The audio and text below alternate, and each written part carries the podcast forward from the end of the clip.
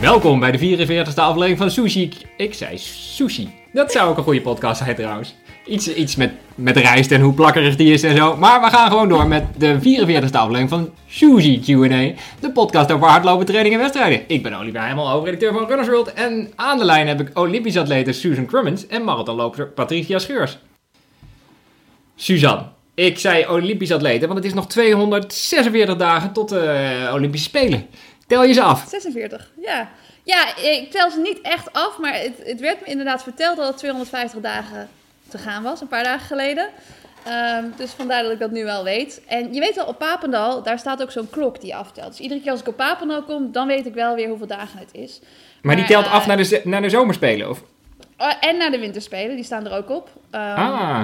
Ja, dus, ehm, maar ik moet, oh ja, die hebben ze natuurlijk een keertje moeten resetten, die klok. Daar heb ik helemaal niet over nagedacht. Nee, dit was een groot moment daar. Ja, je moet ja, geloven dat... dat... ik eigenlijk zelden op Papendal kom, maar... Uh... maar er is een klok. Ja, ja. Dus, ja, daar staat een klok. Maar um, nee, het werd me inderdaad verteld, 250 dagen. En nou ja, als ik denk aan 250 dagen, dan voelt dat voor mij heel lang. Maar goed, dat uh, deel ik dan netjes op in, in uh, blokjes van 50 dagen. En dan uh, weet ik weer hoe ik mijn tussendoelen moet stellen en hoe ik daar naartoe moet werken. Maar dat heeft ook iets van Groundhog Day, denk ik. Want je had vorig jaar ook een moment dat het nog 250 dagen waren.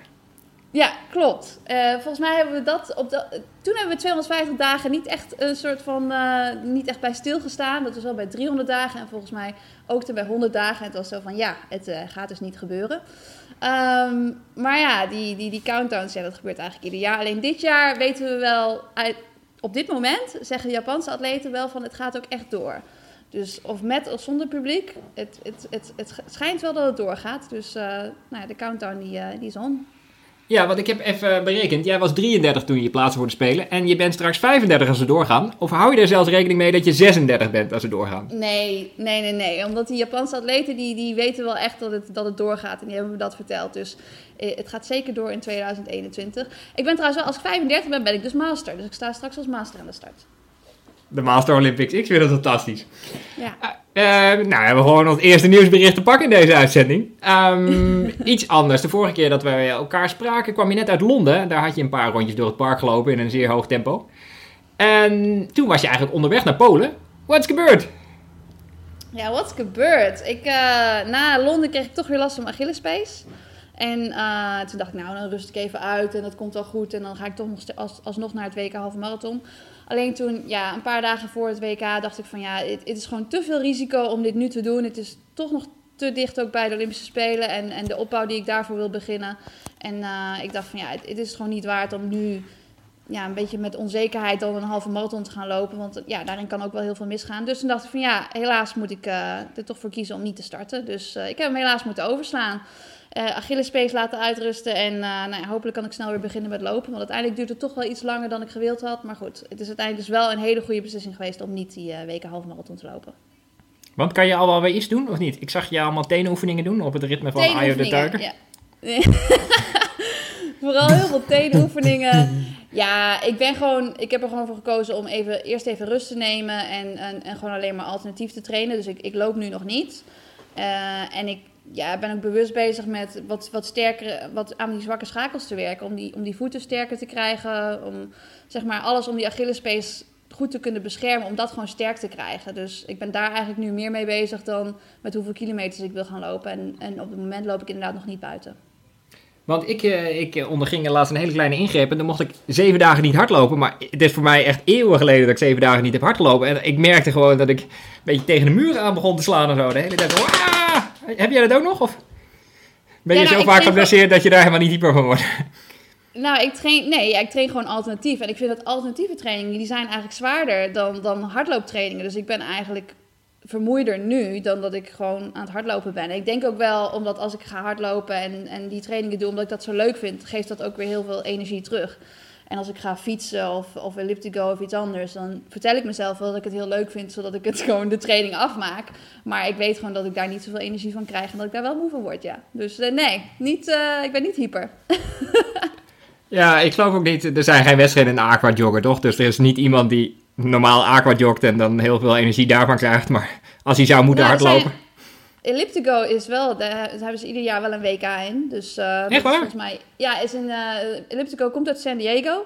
En dan hebben ze ieder jaar volgens mij in oktober dan een WK. Ik denk dat het dit jaar niet is doorgegaan. Maar uh, ja, daar word ik wel eens voor uitgenodigd. Maar dat uh, paste eigenlijk nooit echt in mijn schema. Maar ik denk dat ik dit jaar wel goed in vorm was geweest. Dus eigenlijk is het heel zonde dat het niet door is gegaan. Nou, volgend jaar ben je master ellipticoer. Dus uh, ja. geeft allemaal mogelijkheden. hey, iets heel anders. Je hebt ook een boek geschreven. Een logboek, getiteld Dreams. Als ik je 30 seconden geef om daar iets over te vertellen, wat zeg je dan? Ja, dat je haalt nu diep adem, zie ik. Oh man, dat kan niet. Nee, in 30 seconden. Ja, Dreams is, uh, is een hardloopdagboek. Inderdaad, waar je je trainingen in kan bijhouden. Maar waar ook heel veel informatie in staat over trainingen, herstel, mentale kracht. Er staan leuke receptjes in en allerlei invulschema's. Om te kijken wat voor looptype je bent, wat je zwakke schakels zijn, hoe je daaraan kan werken. En dit boek heb ik samen met uh, marathonloopster Patricia Scheurs geschreven. Is dat 30 seconden? Ja, ik vond het close enough. Ja, ik heb eigenlijk alleen een minuutklok hier, dus ik zou er niks over kunnen zeggen. Maar uh, ik vond wel heel goed hoe je het bruggetje naar Patricia maakte. Want Patricia, jij bent co-auteur van het uh, hardloopdagboek Dreams. En je loopt de marathon in 2.44.44, als ik het wel heb. Ja, klopt ja, helemaal. Jouw, jouw, vriend herinnert me daar wel eens aan. Um, ik... Uh, ik leerde in dit boek onder meer dat er vier typen lopers zijn. De energieke spanningszoeker, de hardwerkende doelenjager, de leergierige professor en de authentieke dromer. Uh, wat ben jij? Ik ben de authentieke dromer. Dus het wil eigenlijk zeggen dat, je, dat ik vooral bezig ben met de dingen die in de toekomst gebeuren. En waarbij het type van Suzanne vooral bezig is met het hier en nu. Dus, en, wat... Suzanne is de, de spanningszoeker, vermoed ik? Of? nee. nee, niet eens. nee. Wat ben jij dan? Nee, ik ben een hardwerkende doelenjager. Ah. Ja. Dat klinkt wel het meest Suske en Wiske van alle titels, vind ik. Suske en Wiske en de hardwerkende doelenjager. Ja, toch? Maar uh, authentieke droom. De, de, de spanningszoeker en de hardwerkende doelenjager is dat de spanningszoeker nog iets meer... Uh, die is ook, ze zijn allebei bezig in het hier en nu en met, met de dag van vandaag. Maar de doelenjager is nog wat meer uh, met lijstjes bezig en die wat meer met afstrepen en... Uh, en de, de spanningszoeker die wil echt, die vindt wedstrijden echt helemaal top. En die kan echt helemaal, die kan ook echt helemaal verliezen in alle mogelijkheden die de dag bieden. En Suzanne is wat meer een georganiseerd type, denk ik. Heel systema systematisch ga ik te werk. Maar je ziet ook in, in het boek dat de hardwerkende doelenjager een to-do-list in de hand heeft terwijl ze aan het rennen is. Klopt natuurlijk helemaal. Super realistisch. Ja, ik denk bij jou wel altijd aan lijstjes. Dat is absoluut waar. ik, eh, ik leerde trouwens ook over game changers in het boek, Patricia. Wat, wat zijn voor jou game changers geweest? Wat zijn game changers überhaupt? Game changers.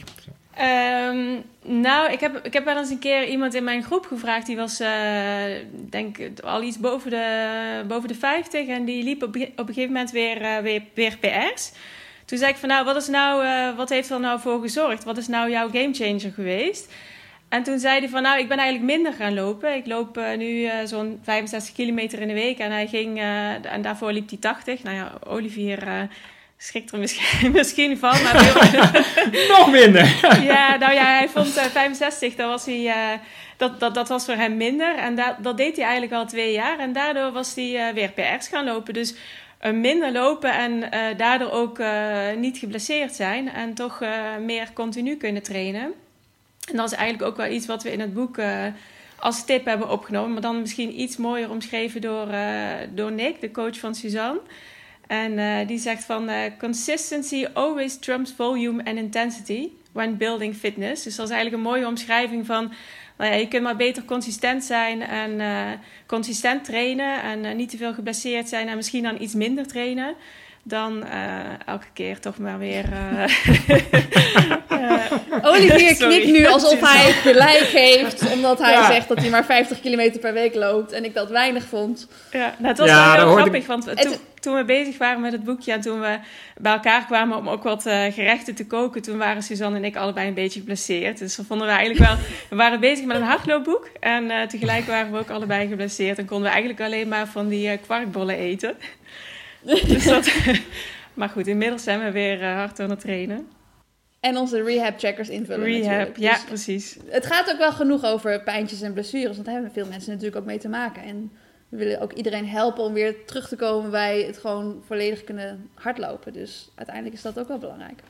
Ja, voor de luisteraar aan het begin van dit gesprek, net voordat de opname startte, lachte Suzanne mij een heel klein beetje, laten we zeggen, toe, omdat ik maar 50 kilometer in de week loop.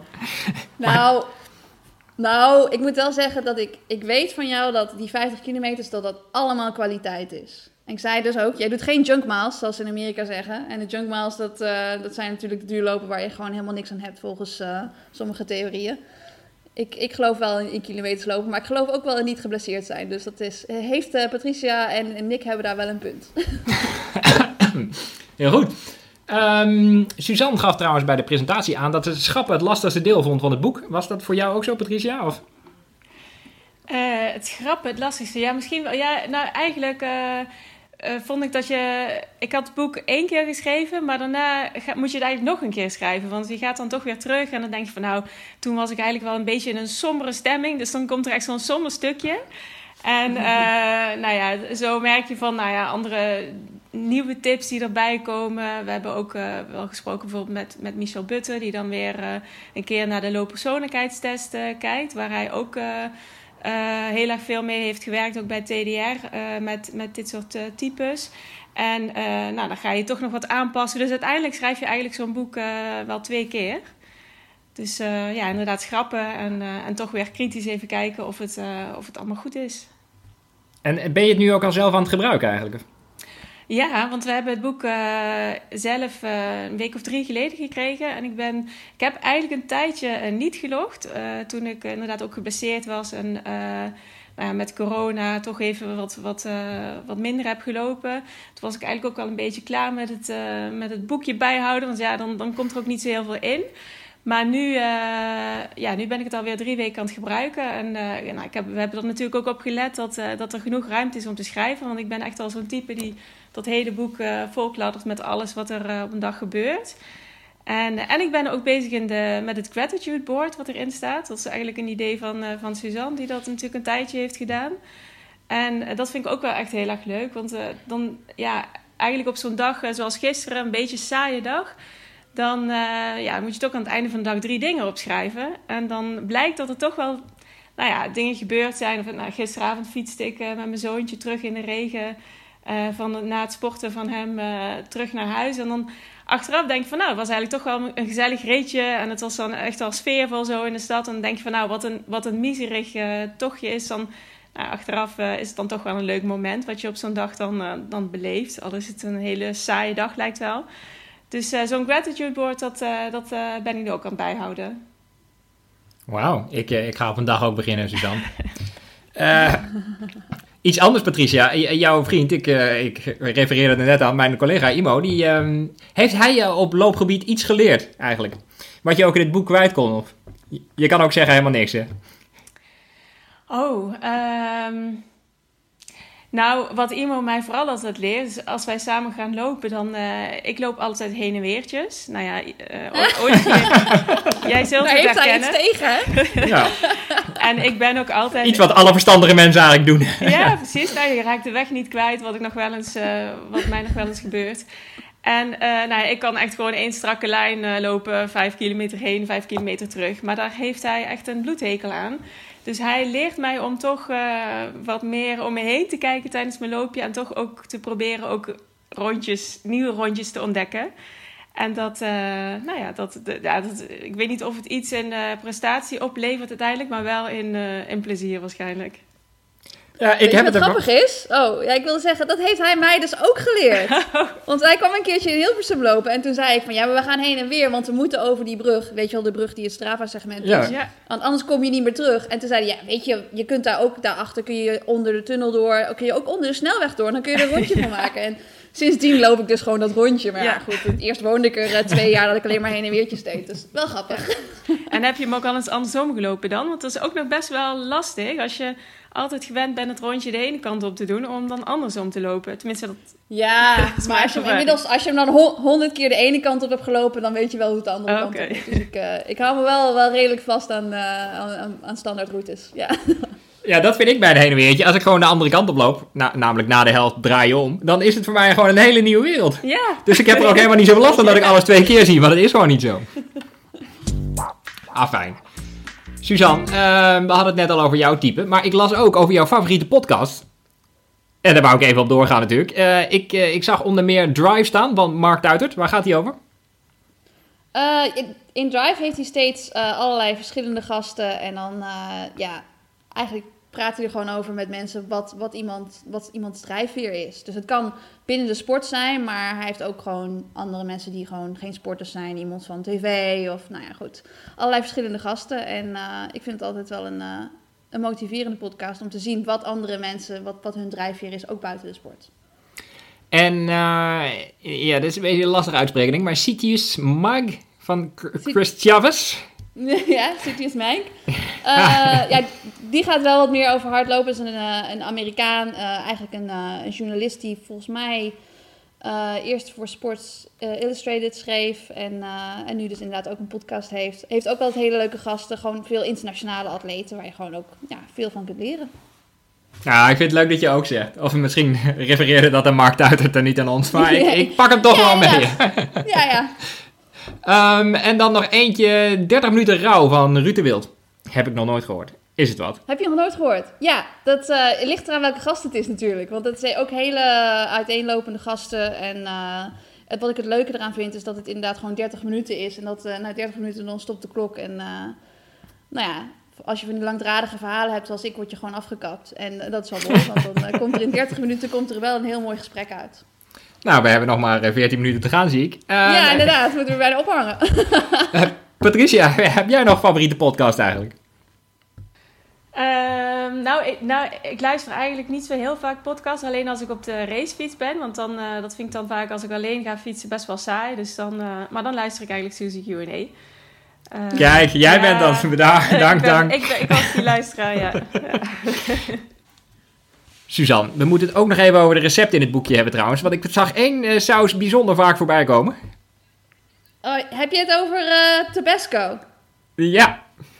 Ja, ja, dat uh, zit bijna in ieder recept natuurlijk. Dat is, Patricia moest op een gegeven moment ook wel om lachen. Dat we toen met de recepten bezig waren. Dat ze op een gegeven moment zei van... Oh, moet hier nou ook alweer Tabasco bij? En dan zei ik ja, nou ja, weet je... Het kan ook wel gewoon optioneel dan. Maar eigenlijk hoort het er wel bij. Dus ja, een beetje extra spice in your life, toch? Dat is, dat is een hete saus. Want jij doet het ook op je, op, je, op je boterham met hagelslag? Op een boterham met pindakaas ook een beetje Tabasco. Word je lekker wakker van 's ochtends. En er zit geen, uh, geen shady sponsordeal achter, maar het is gewoon jouw eigen persoonlijke Nee, ik zou het moeten regelen gewoon. Ik zou het moeten regelen. Nee, dat uh, zit er helaas niet bij. Nee. Patricia, wat is jouw favoriete recept waar je dan al dan niet wel de Besco bij kan doen?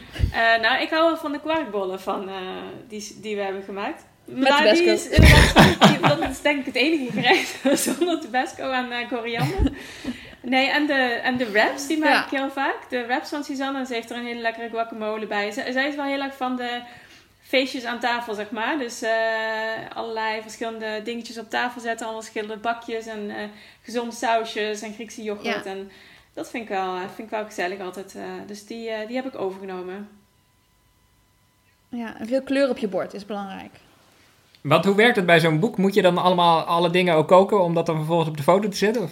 Nou, de, Ja, Daar hebben we Andrew voor, eh, Mr. Crummins. Die, eh, die heeft ons heel erg geholpen Chef. met eh, alles voorbereiden en alles. eh, hij is ook wel een hele goede chef. En toen heeft iemand uiteindelijk ja, klopt. opgegeten. Ja, Andrew, Andrew. Die heeft gewoon de burger, Ja. de burger die daarin staat, die foto, die, die, ja, die, die is nu van Imo. Die Ja. burger, die, die heeft hij nu. Die opgegeten, is echt waar. Ja, iemand moest het opeten. Ja. Maar het is wel allemaal echt wat ik zie. Want ik heb wel eens begrepen dat bij voedingsfotografie dat je- ook van die nepblaadjes hebt en zo. Maar Nee, dit was echt. Nep. Nee, het is echt. Oké. het eh, gegarandeerd. Nou, ik, eh dankjewel. En getest. Ehm, nou, het is hoog tijd voor ons eerste segment. Ask Suzy, stuur je vraag en ik probeer hem te stellen. Eh, de eerste vraag is niet van Suzy, maar van Lucy. Ehm, welke tip die je zelf ooit kreeg, heeft nu een, boek, plek in het boek gekregen? En eh, krijg je nog wel eens een tip die je niet eerder had gehoord, en waarvan je denkt, goh, had ik er maar eerder gehoord? Had ik eerder moeten horen. Ja, niet zo echt een, tip die hoort, maar wel misschien een, een, een oefening of een, of een techniek waar je dan achter komt dat je denkt van, oh ja, dit is heel handig. Bijvoorbeeld met mijn enkel en met mijn Achillespees. Nou, ik krijg vaak last van mijn linker Achillespees omdat die enkelmobiliteit niet goed is. En dat kan ik zelf een beetje, nou ja, soepel houden door met een elastiekband met heel veel weerstand een bepaalde oefening te doen waarbij ik dus een beetje mijn, mijn, mijn enkel losmaak. Zoiets bijvoorbeeld, als ik dat geweten had, had ik denk ik wel heel veel Achillespeesproblemen kunnen voorkomen. En als ik me eerder bewust was geweest dat die, dat die enkelmobiliteit dat dat zoveel slechter was links dan rechts en dat ik dat zelf een beetje soepel had kunnen houden, nou ja, dan had het voor mij wel, eh, wel, wel veel goede dingen kunnen doen. Maar ik denk als je denkt over tips die mensen je geven, ja, ik, ik, ik kan eerlijk gezegd, alle tips die hierin staan en heel veel tips die ik ook van Nick krijg, dat is. ehm, ja, er, staat, er staan gewoon heel veel dingen in die ook van andere mensen komen. Alleen dat is niet dat er een moment was dat ik dacht van, oh ja, dit had ik eerder moeten weten. Je verzamelt door het jaar heen, verzamel je gewoon heel veel informatie. En dat staat nu wel allemaal in het boek. Dus ik denk wel dat we daar wel heel veel andere mensen mee kunnen helpen. Maar ik denk niet dat er voor mezelf een moment was dat ik dacht van, oké, dit had ik nu moeten weten. Nee, want ik vind het bij hardlopen nog best lastig. Als mensen beginnen met hardlopen en dan vragen ze me vaak om tips. Mhm. Ja, ik bedoel, stel dat je, dat je heel goed kan zwemmen of zo. Dan, dan, kan je zeggen, nou, je moet je linkerhand meer doorhalen. En dat werkt dan echt. Maar bij hardlopen valt het nog helemaal niet zo mee om echt iets zinnigs te zeggen waar mensen iets aan hebben. Toch? Ja, ik denk een paar goede schoenen. Want ik merk nu wel, bijvoorbeeld in de zomer, omdat er heel veel eh, nou, teamsporters zijn gaan hardlopen, zie je weer iemand door het bos rennen op van die hockeyschoenen. En dan denk ik van ja, ik, ik denk dat je wel, dat je dit niet zo heel lang gaat volhouden zonder blessures. En dat nou, daarom een teamsporter misschien denkt, ik vind hardlopen niet leuk, want ik krijg altijd pijntjes. Maar dat is misschien ook wel omdat je dan al niet begint met een goed paar hardloopschoenen. Dus ik denk dat dat wel een goede start is. Jazeker. Ja, nee, zo ken ik er nog wel een paar. Maar het is toch lastig om vooral op, op het gebied van techniek dingen te zeggen die voor iedereen opgaan, waar je gelijk minuten harder mee loopt. Zo. Ja, klopt. Patricia, heb jij de laatste jaren nog iets geleerd waarvan je dacht, oh, had ik dat maar eerder geweten? Ehm, nou, ik denk dat, eh, dat ik vooral van Suzanne ook... eh, dat we hebben natuurlijk ook veel gehad over eh, nou, hoe, hoe je omgaat met, met wedstrijdspanning... en wat je, hoe je daar ook voor kunt trainen. Dus dat is wel, vond ik zelf ook wel leuk om te horen, zeg maar, dat zij ook echt... nou ja, vooral in haar trainingen ook wel nog een keer extra... bepaalde trainingen nog extra push, zeg maar, om ook te weten van... En, en in wedstrijden terug te kunnen kijken naar die trainingen van... oké, ik... ik heb dat gewoon in de benen zitten, ik heb het gedaan en ik weet dat ik het kan. Dat dat gewoon eh, sommige trainingen gewoon extra veel eh, zelfvertrouwen geeft eh, op die manier. Dus eh, nou, ik weet niet of jij er nog wel iets over kunt zeggen, Suzanne, maar nou, Ja, ik, dus- ik vind Suzanne echt wel een voorbeeld van iemand die in wedstrijden zo kan pushen en zoveel eruit kan halen. Dus dat vond ik zelf wel heel inspirerend om, om met haar over te hebben. Ja, ja, het is inderdaad meer dat je, dat je het gevoel wat je in een wedstrijd hebt, als je dat niet herkent van een training, als je dat nooit eerder zeg maar zo hard hebt gelopen of zo diep bent gegaan, dan, dan weet je niet zeker of je het kan. Maar als je dat in een training wel, als je het van een training herkent, dan, dan heb je eigenlijk ook dat zelfvertrouwen dat je denkt, ja, ik kan harder pushen, want nou ja, ik heb die training ook overleefd, weet je wel. Ik heb die training ook kunnen afmaken. Dus ik denk dat een groot gedeelte van de training die je doet, dat het niet alleen fysieke training is, maar ook inderdaad mentale training. Ja, want het is wel het, het onderdeel van jou waar mensen het vaakst over beginnen bij mij. Als ze dan zeggen, oh, jij presenteert toch een podcast met Suzanne Cummins, dan eh, hoe is ze echt? En dan zeggen ze, denken, denk je dat ze echt niet nerveus is bij wedstrijden? dus eh, ja, ja. Ik geloof dat En wel. wat zeg je dan? nou ja, ja. nee, ja, dat ik dat wel geloof niet nerveus. Nee, maar, Maar- het is ook wel, als je, en dat is misschien ook wel een beetje een link naar het boek, dat ehm, als je zeg maar voor jezelf een, een doel stelt en het is een heel groot doel en het is een beetje eng.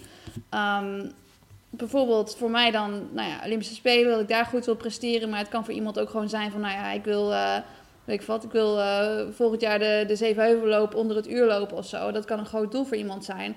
En als je dat gewoon opreekt in die, in die tussendoelen en als je daar dan stap voor stap naartoe werkt en dan laag voor laag die trainingen doet, dan heb je op een gegeven moment gewoon zoveel zelfvertrouwen, omdat je weet dat je er alles ingestopt hebt, dat je ook minder zenuwachtig hoeft te zijn voor een wedstrijd, omdat je gewoon weet dat je voorbereid bent. En ik denk dat dat wel een van de sterke punten is ook van niks training, dat ik gewoon door het jaar heen eigenlijk steeds meer zelfvertrouwen krijg uit bepaalde trainingen. En niet iedere training is super zwaar of, of heel hard, maar alles bij elkaar telt wel bij elkaar op. En dat is ook iets waar we het in het eh, boek over hebben, de telefoongids. Ik weet niet of ik daar eerder al een keertje over verteld Ja, heb. ja, zeker. Ja, toen, toen zei ik nog dat ik de telefoongids nou niet het specifiek beste voorbeeld vond. Omdat je de meeste inderdaad. pagina's helemaal niet nodig hebt. Maar eh, Ja, inderdaad. Maar de telefoongids is, eh, die, die bestaat natuurlijk niet meer. Dus eh, we hebben nu een nieuwe telefoongids. En maar waarom we de telefoongids gebruiken is natuurlijk omdat die pagina's zo te dun zijn. En dat, ja, de, I- die IKEA-gids, dat zou ook nog werken. De IKEA-gids heeft wel dikkere pagina's. Die zijn moeilijker door te scheuren. Maar de telefoongids is meer dat je dus iedere training is inderdaad zo'n dunne pagina. En, en een pagina op zich stelt niet zo heel veel voor. En dat is dan één training. En dat kan een rustig duurloopje zijn, dat kan een alternatieve training zijn. Dat kunnen stomme teenoefeningen zijn waarvan je denkt, maakt het eigenlijk wel uit of ik dit doe? En die ene training maakt inderdaad misschien niet zoveel uit. Maar als je op een gegeven moment dat boek hebt met al die pagina's, dan is het wel zo sterk dat je het niet kunt doorscheuren. En dat is, nou ja, dat is wel iets als je dus ook, als je in Dreams, als je daar gewoon je trainingen invult en als je iedere dag je, je training bijhoudt en een pagina na pagina vult met jouw eigen verhaal, dan op een gegeven moment sta je dan zo sterk aan de start van jouw wedstrijd, wat jouw uiteindelijke doel is, uh, dat je je boekje niet meer door kan scheuren. Dus daar gaat het eigenlijk om. Dreams, het boekje dat je niet meer door kan scheuren. Zo is ik het. keur het helemaal goed. Ik heb nog een uh, vraag van uh, Sander Grootmans. Wat is je favoriete hardloop, kledingstuk of gadget? Kledingstuk. Want ik ben, niet, ik ben niet super van de gadgets, moet ik zeggen. Um, een kledingstuk zou ik toch wel denken een, een Aeroloft jacket. Dat is gewoon zo'n zo'n jekje wat je... Zo'n soort van bodywarmer die je overal overheen kan dragen. Die, die je net iets breder maakt, toch?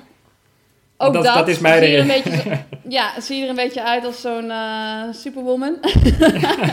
Superhero. Ja, nee, zo'n uh, zo'n zo'n jekje, dat vind ik wel, dat is mijn lievelingskledingstuk. Zeker nu we de winter ingaan, is dat iets wat ik echt bijna iedere dag draag als ik loop. En dan, uh, ja, omdat ik toch een beetje een koukleun ben. Dus dat kan uh, met ieder weer. Patricia, het, ik, ik schaam me een beetje om eerst te vragen wat je favoriete kledingstuk is en daarna pas te vragen hoe je bent gaan hardlopen en zo. Maar we doen het gewoon. Mooi bruggetje, niet? ja. ja. Wat is jouw favoriete kledingstuk? Oh, toch? Ja. um, nou, Nike Pro broekjes vind ik heel fijn. maar uh, ik moest ook eigenlijk meteen denken aan de nagels van Suzanne. Uh, ik heb zelf ook al een beetje een nageltik. Tik. En, uh, ik, ik, ik zie het denk ik. Nou, Bijna. Ja, ze ja. Zijn, ja maar uh, ja, het is inderdaad wel leuk om voor een wedstrijd, of vooral een belangrijke wedstrijd als de marathon of zo, om daar een beetje je speciale uh, setjes of je speciale nagels uh, voor te doen. Want ja, het is toch een stukje van de, van de voorbereiding naar de wedstrijd toe. Dus in die zin speelt kleding of nagels of wat dan ook ook wel een rol. Om je een week voordat je de marathon loopt, waarbij je toch uh, weinig mag trainen, niet zoveel, eigenlijk alleen maar mag uitrusten.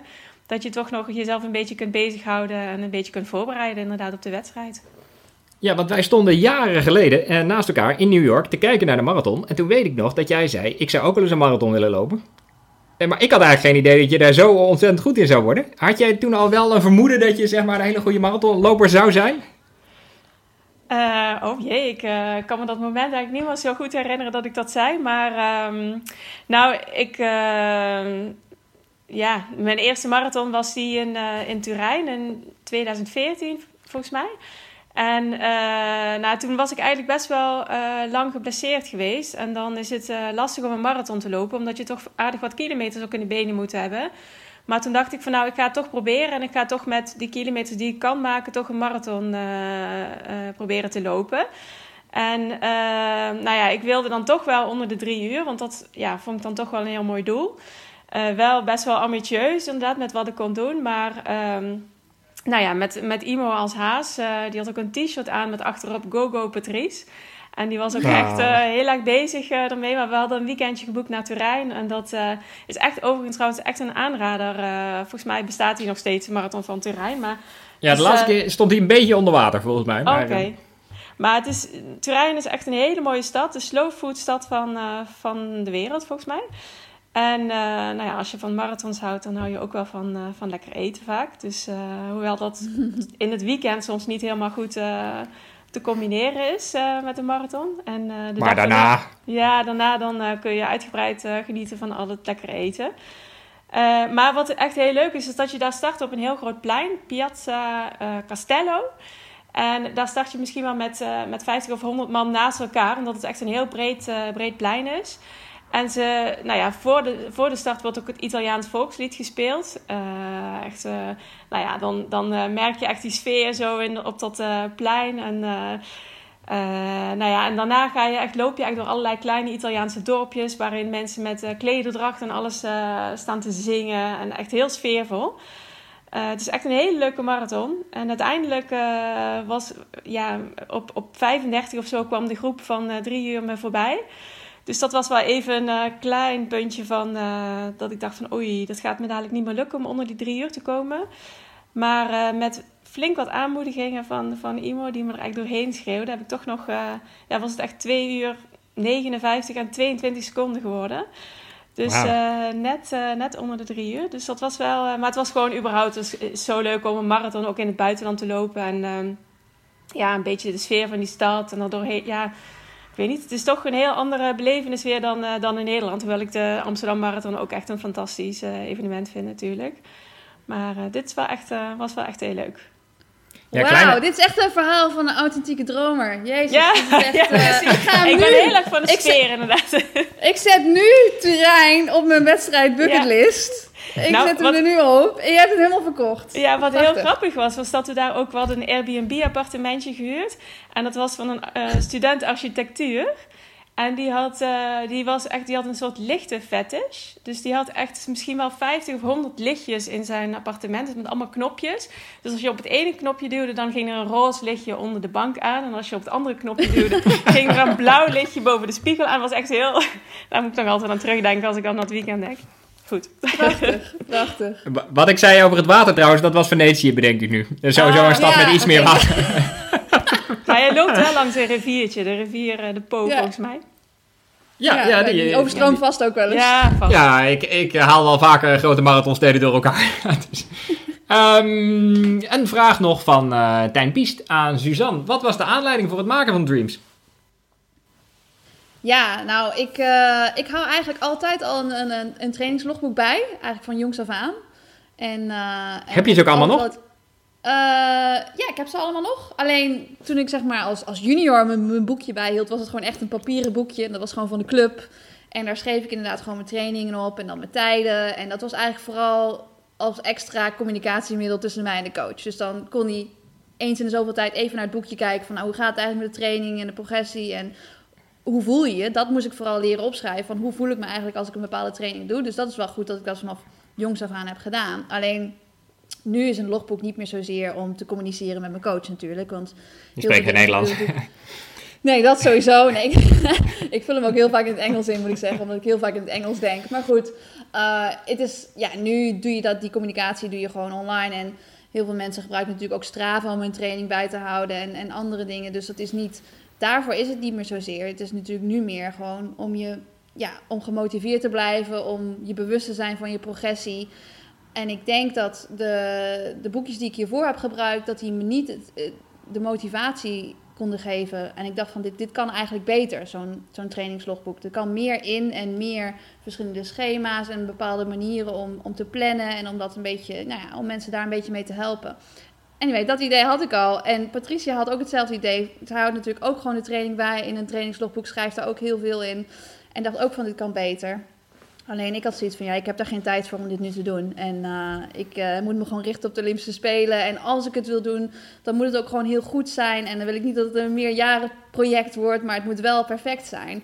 Nou, en uh, Patrice zei van, ook toen de Spelen werden, werden afgelast, zei ze van, ja, dit is gewoon het moment. We moeten dit nu gaan doen. Dus eigenlijk heeft ze me wel een beetje overgehaald om, uh, om inderdaad dan nu aan Dreams te gaan werken. En uh, nou, samen onze ideeën mooi kunnen bundelen. Want het is natuurlijk, ik heb wel veel ervaringen met, met internationale wedstrijden en uh, natuurlijk met, door de Spelen. Maar zij heeft natuurlijk de hele marathonkant die ik niet heb. Dus daar, wat dat betreft vullen we elkaar ook wel heel goed aan. en denk dat het een heel leuk allround boek is waar iedereen heel veel aan heeft. Dus wat was de vraag ook weer? Hoe zijn we eraan begonnen? Ja, ja dat ja, dus. precies. ja, ja, want ik, ik wil toch nog even terug naar die oude dagboekjes van jou.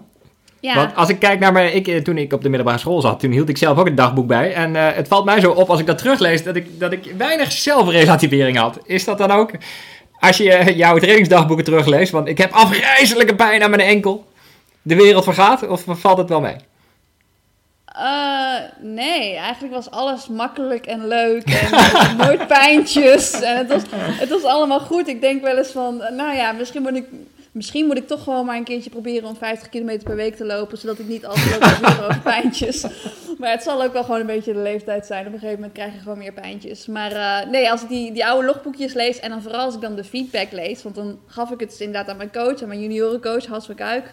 En dan schreef hij erop, Suusje, heel goed. En wat fijn dat alles zo lekker gaat. Nou, weet je, en dat was dan, was dan leuk om dan ook die feedback te lezen. Dus ik heb gelukkig al die boekjes nog. En uh, die zijn ook mooi, maar er stonden verder niet hele moeilijke schema's en motiverende quotes en andere dingen in.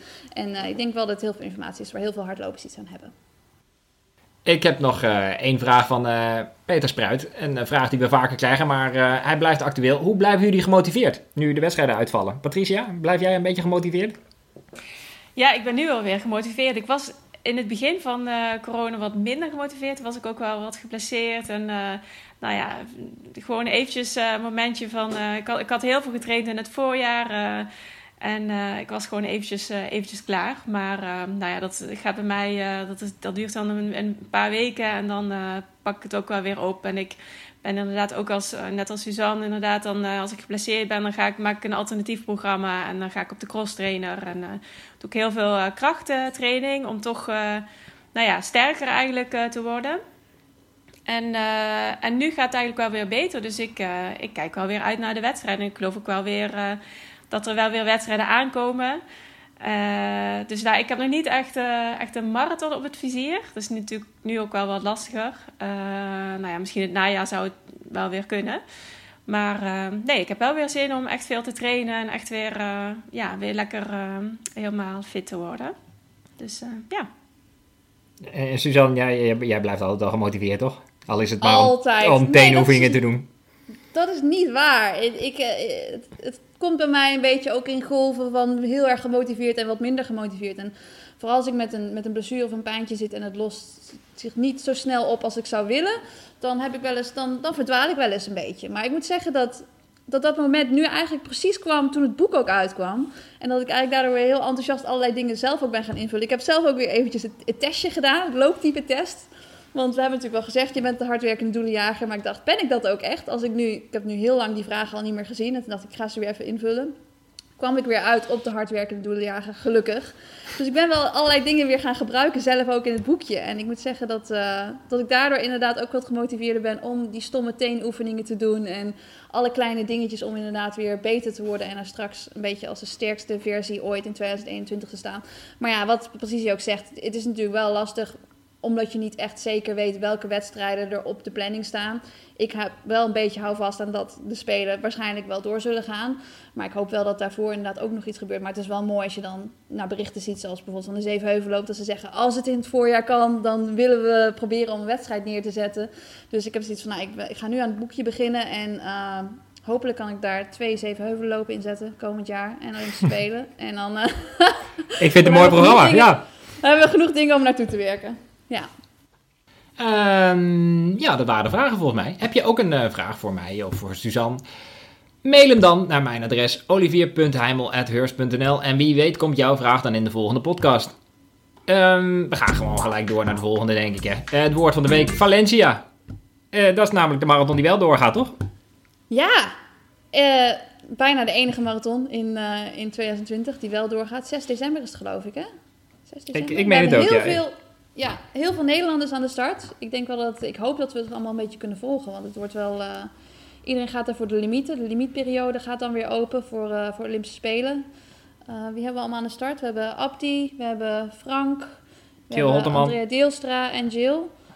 vier toch, of niet? Mis ik nu nog iemand? Volgens Bart van Nuenen, weet, weet, ik niet. misschien Jip, doet Jip ook mee? Dat weet ik eigenlijk niet zeker. We, we anyway, zoeken er gewoon even op veel Nederlanders. Dus uh, ik denk wel dat het leuk wordt om, om die te volgen. En uh, ik, ik weet niet precies hoe ze het daar geregeld hebben. Of het hetzelfde is als Londen. Of ze daar echt een hele strenge bubbel hebben, dat weet ik eigenlijk niet. Maar ik weet wel dat er, niet, dat er inderdaad een beperkt deelnemersveld was. En nou ja, dat, het dus, dat ze daar een soort van, niet quarantaine, maar dat ze wel een soort van beveiligd hotel en alles hebben. Dus qua parcours weet ik niet. het is trouwens... Rondjes.